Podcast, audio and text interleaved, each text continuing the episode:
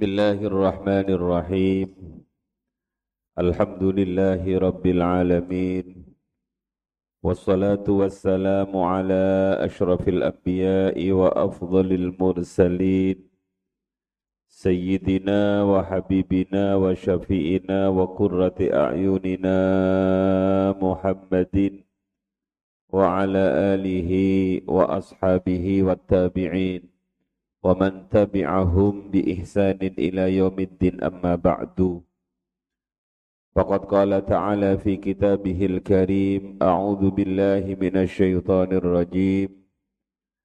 تلك الدار الآخرة نجعلها للذين يريدون لا يريدون علوا في الأرض ولا فسادا والعاقبة lil muttaqin. Sadaqallahul adim. Bersyukur kita kepada Allah Subhanahu wa taala.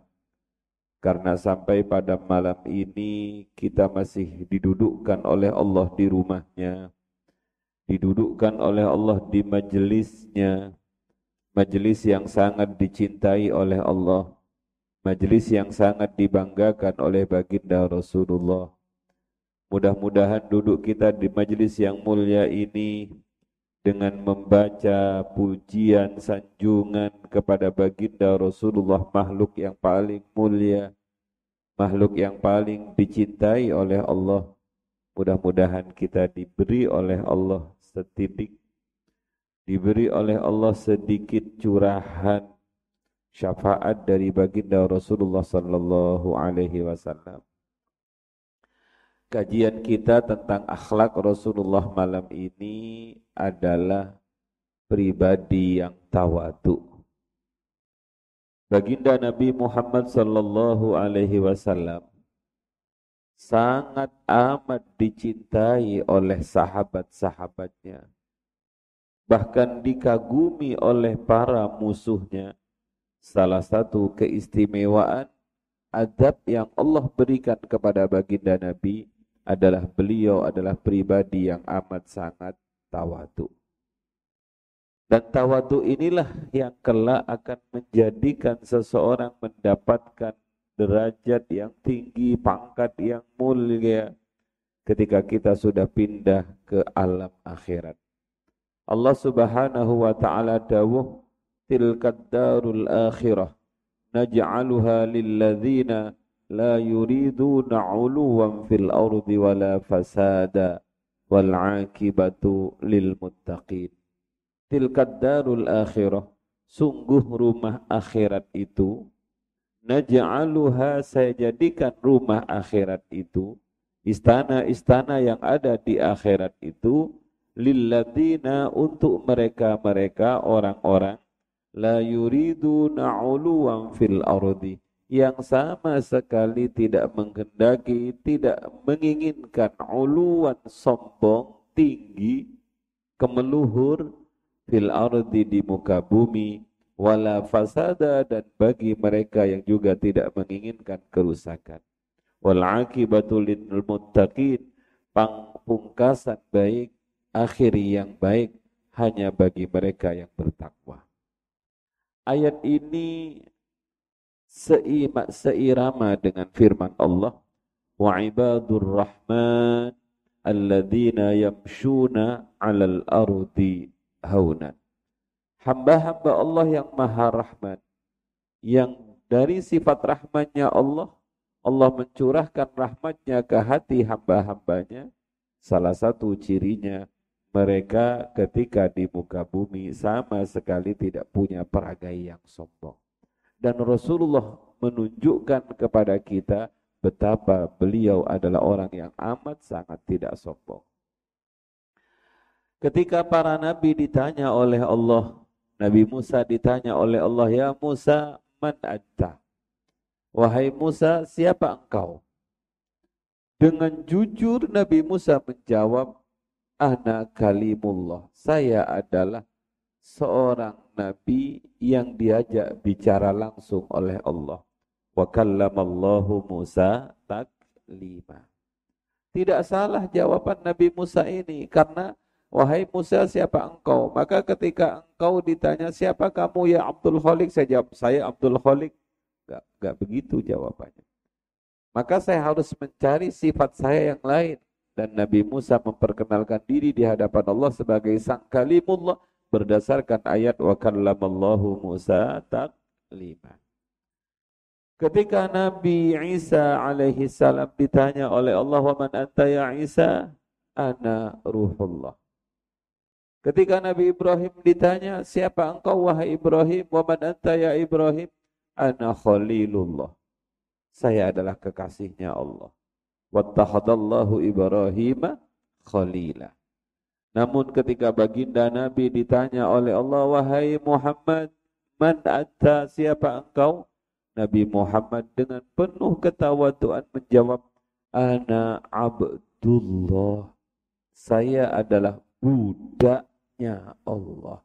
Saya adalah pesuruhnya Allah. Saya adalah pelayannya Allah.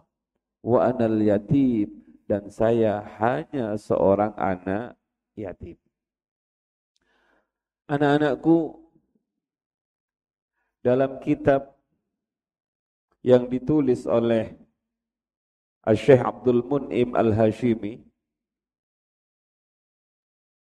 Judul kitabnya adalah Al-Akhlaq Akhlak Rasul dalam Sahih Bukhari dan Muslim. Itu beliau mengutip beberapa cerita yang diceritakan oleh para sahabat. Salah satu cerita sebagaimana yang diriwayatkan oleh Abu Hurairah radhiyallahu anhu. Suatu saat saya pergi ke pasar bersama baginda Rasul. Beliau membeli kain celana Sesampai di pasar, ketemu dengan tukang kain, baginda Nabi berkata, tolong ukurkan untuk saya yang pas. Biasa kalau kita beli kain ke toko kain, pasti kita akan mengatakan untuk badan sebesar saya, setinggi saya, atau sependek saya, kira-kira cukup berapa? Anu Pak, kalau sampai kira-kira cukupnya 2 meter. Kalau ini, oh ini cukup satu meter setengah. Ya tolong ukurkan yang pas untuk saya. Akhirnya pedagang kain itu mengukur baginda Rasul belum melihat sang tukang kain itu belum melihat wajah baginda Rasul. Begitu mengukur ketahuan kalau yang minta diukur itu adalah Rasulullah. Seorang yang sangat dicintainya. Apa yang dilakukan oleh pedagang itu? Beliau mengambil tangan baginda Rasul, mencium wolak-walik tangan baginda Rasul. Apa yang dilakukan oleh baginda Rasul? Ditarik tangannya. Jadi kadang-kadang ada beberapa kiai yang tidak berkenan dicium tangannya. Inilah dalilnya.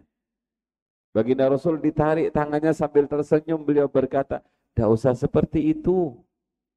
Itu adalah perbuatan uh, orang-orang terdahulu yang mengagungkan rajanya.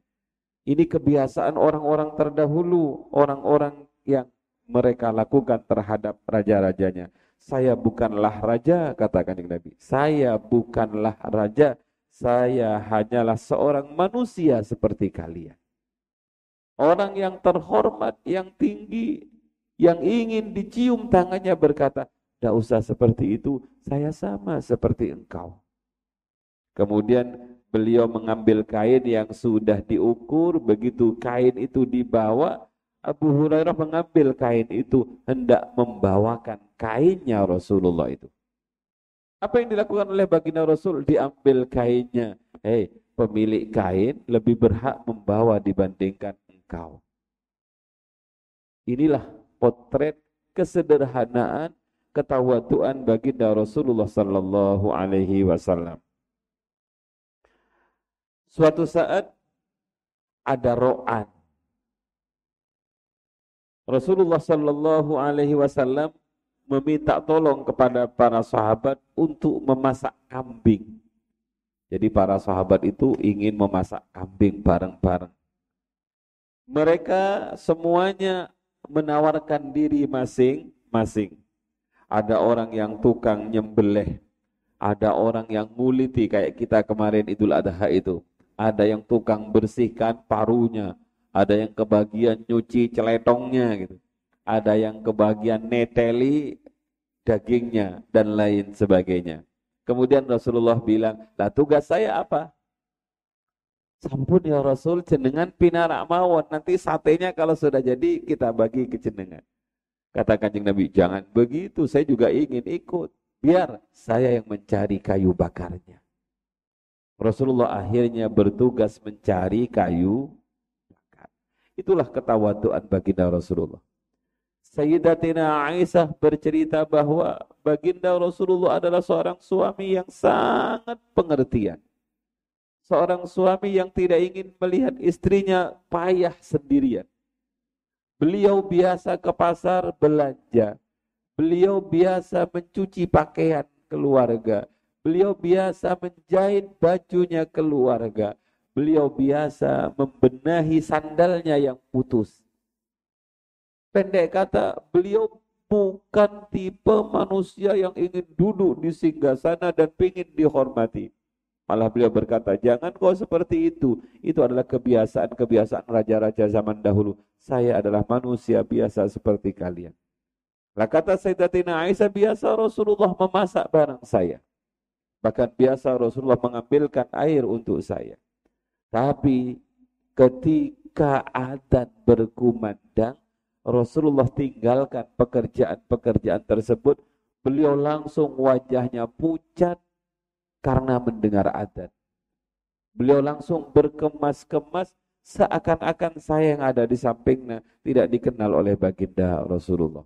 Itu cintanya Rasulullah kepada keluarga, tapi lebih tinggi dari itu betapa Rasulullah sangat mencintai uh, Allah Subhanahu wa taala.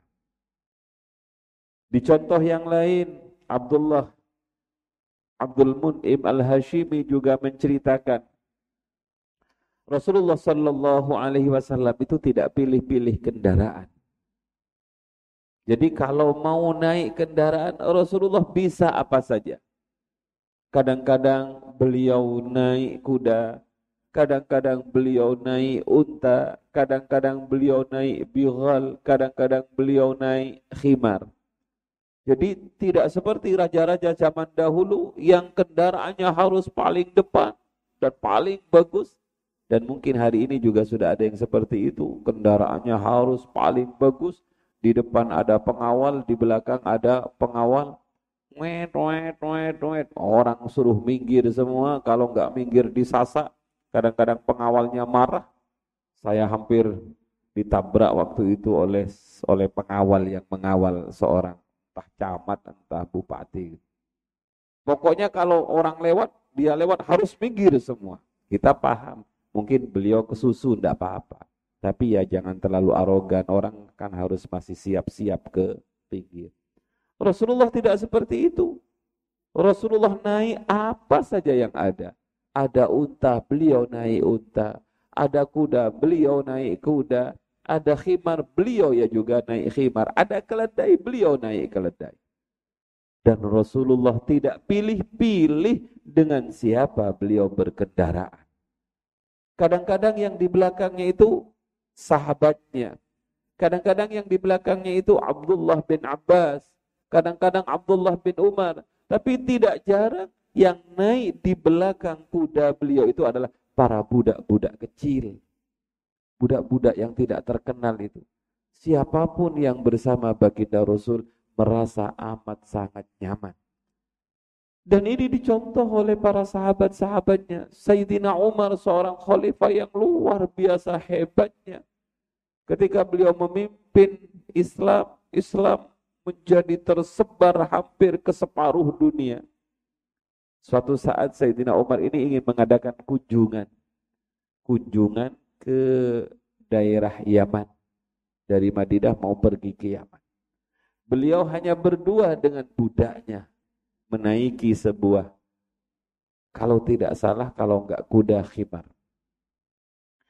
Karena kendaraannya ini tidak kuat, maka kata Sayyidina Umar begini aja, Kang, kita gantian. Gantian gimana wahai khalifah?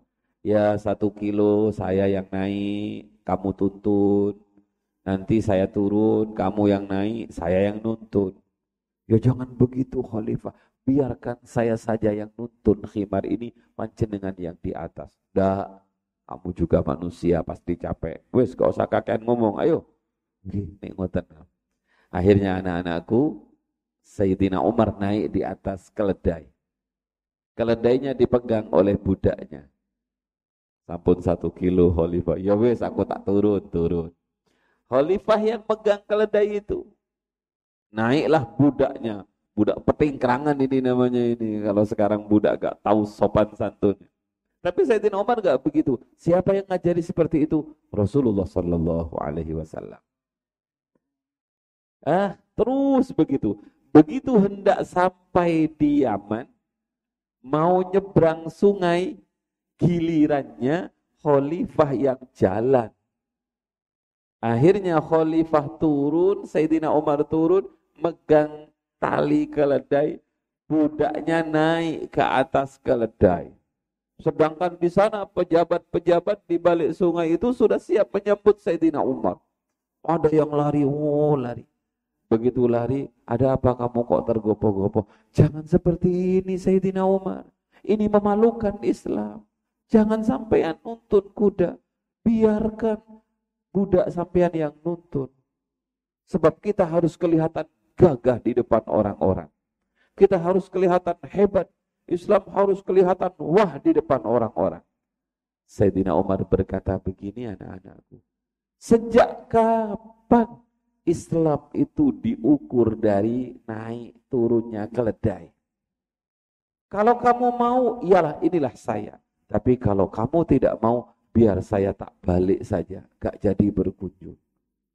Itulah pribadi-pribadi yang dekat dengan baginda Rasulullah Sallallahu Alaihi Wasallam. Dalam kitab ini juga diceritakan, kalau kanjeng Nabi itu datang dari bepergian, anak-anak kecil itu sama-sama menyambut baginda Rasul, sama-sama amat senang. Kemudian Rasulullah ngedum jajan. Di antara anak-anak kecil itu ada yang megang tangan Rasulullah, ada yang megang jubah Rasulullah. Pokoknya mereka amat sangat senang dengan kedatangan baginda Rasul. Ada ada perempuan yang paling kecil di pangku dipegang oleh baginda Rasul digendong. Itulah pimpinan dunia. Itulah orang yang sangat hebat. Dia menggendong anak kecil yang tidak ketahuan anaknya siapa ini. Pendek kata, semua anak yang begitu melihat Rasulullah sama-sama senang. Jadi kadang-kadang, kadang-kadang kalau kita mau mencari menantu itu, cirinya gampang kok. Kalau ada anak laki-laki remaja nggak senang dengan anak kecil itu biasanya wataknya keras. Tapi kalau ada anak senang dengan anak kecil itu biasanya wataknya lembut. Ada anak yang gampang nangis no arek cilik, wah jangan jadikan suami itu. Kok punya anak gak pernah mau gendong anaknya yang digendong ibunya dong. Jadi sejak kecil kelihatan kita senang dengan anak-anak. Itulah saya pernah diceritai oleh Mbah Yai Jamal. Kalau Abah Jamal itu datang dari pondok, dari tapak beras pulang, tetangga-tetangganya, anak-anak kecil tetangga-tetangganya itu sama-sama berkumpul di dalamnya Mbah Yai Jamal waktu itu masih muda. Kemudian Bahya Jamal bercerita dan anak-anak itu merasa senang. Itu akhlak dari baginda Rasulullah Sallallahu Alaihi Wasallam. Rasulullah tidak pilih-pilih tempat tidur. Di mana pun Rasulullah ngantuk, di situ beliau sari. Di dalam kitab ini ditulis Rasulullah juga tidak merasa segan tidur di lantai. Bila para sahabat membentangkan kain, Rasul tidur di atasnya. Namun bila tidak, beliau biasa tidur di atas lantai. Alas tempat duduk beliau isinya hanyalah serbut, panjangnya hanya dua hasta dan lebarnya satu hasta, lebih satu jengkal. Beliau tidur di atas tikar dan beliau tidak punya alas tidur selain itu. Amat sangat sederhana. Anak-anakku, pernah suatu saat ketika Rasulullah sallallahu alaihi wasallam hijrah dari Mekah ke Madinah. Sesampai Rasulullah di Madinah, orang-orang yang berada di Madinah, sahabat-sahabat Ansor itu sama-sama membersihkan rumahnya. Sama-sama memperbaiki rumahnya. Karena mereka berharap Rasulullah nginep di rumah mereka. Mereka berharap Rasulullah berkenan tidur di rumah mereka. Inilah yang biasa dilakukan santri-santri zaman dahulu. Santri-santri zaman dahulu itu kalau pirang, kalau mendengar misalnya Mbah Yai Fatah mau ke Banyuwangi misalnya. Wah santri Banyuwangi itu rebutan agar ditempati Mbah Yai Fatah. Mau ke Jember, santri Jember itu sama-sama berlomba. Mudah-mudahan Mbah Yai Fatah berkenan di situ. Kalau Mbah Yai Musyarofa ke Madura, santri-santri Madura biasa menyiapkan tempat karena apa? Ngalap barokah biar pernah ditempati oleh Mbah Nyai Musyarofah. Beberapa kali saya dan ibu pergi ke pengajian itu, santri-santri alumni-alumni itu berharap agar kita tidak nginep di hotel, tapi kita nginep di rumah mereka. Lah sahabat-sahabat Ansor itu melakukan itu semua, semuanya pingin agar rumahnya pernah di, dimasuki oleh baginda Rasul. Sebab kullu baitin anta sakinuhu gimana kullu baitin anta sakinuhu laisa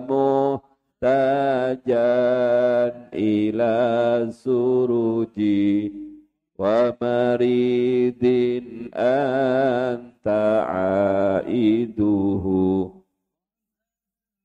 Allah faroji. Setiap rumah kullu baitin anta sakinuhu. Setiap rumah yang kau masuki wahai Muhammad laisa muhtajan ila suruji sudah tidak butuh lagi kepada lampu. Kenapa? Karena Nabi Muhammad itu lebih terang dibandingkan lampu. Nurun fauqa nuri. Setiap rumah yang dimasuki oleh Rasulullah laisa muhtajan ila suruji. Sudah tidak butuh lagi pada sokle, sudah tidak butuh lagi pada listrik, sudah tidak butuh lagi pada obor karena Rasulullah lebih terang dibandingkan matahari.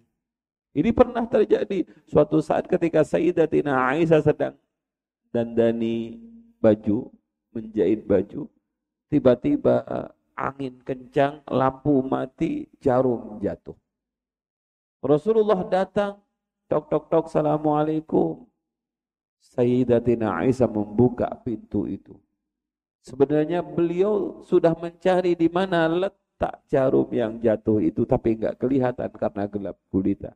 Tapi begitu baginda Rasulullah masuk ke dalam rumah beliau terang benderang.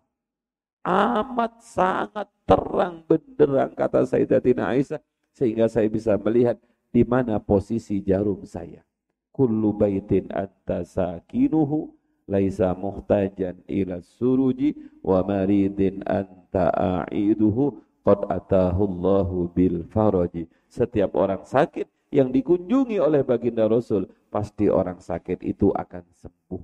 Makanya sahabat-sahabat itu berlomba-lomba agar rumahnya pernah dimasuki oleh baginda Rasul. Lah ketika Rasulullah sampai di Madinah, anak-anakku semua perempuan-perempuan fatayat muslimat itu berjejer sambil berkata, Tala'al badaru alaina min sani yatil wada' wajab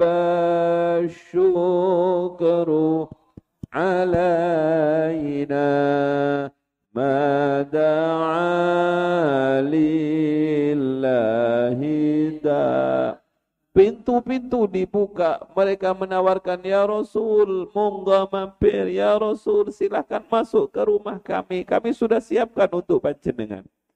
Saking banyaknya sahabat yang nawari, baginda Rasul tersenyum sambil berkata, saya akan berhenti menginap di mana unta saya berhenti. Biar apa itu? Biar para sahabat tidak merasa kecewa. Rasulullah tidak menolak biar para sahabat itu tidak kecewa. Eh ternyata unta itu berjalan, berjalan, berjalan di depan rumahnya Abu Ayyub Al-Ansori.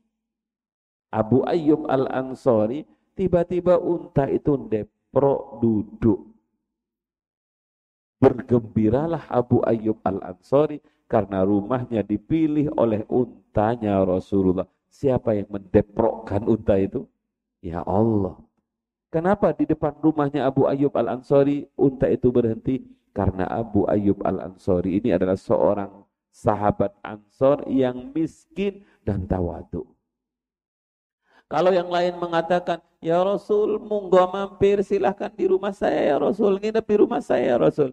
Tapi Abu Ayyub Al-Ansori dalam hatinya begini, saya tidak akan menawari rumah saya karena saya tahu diri, rumah saya terlalu kecil, rumah saya terlalu jelek. Kasihan Rasulullah kalau mampir di rumah saya. Walaupun siapa yang tidak ingin rumahnya dimasuki oleh baginda Rasul. Saking tawaduknya, saking sangat tahu dirinya, Abu Ayyub Al-Ansori tidak berani nawari.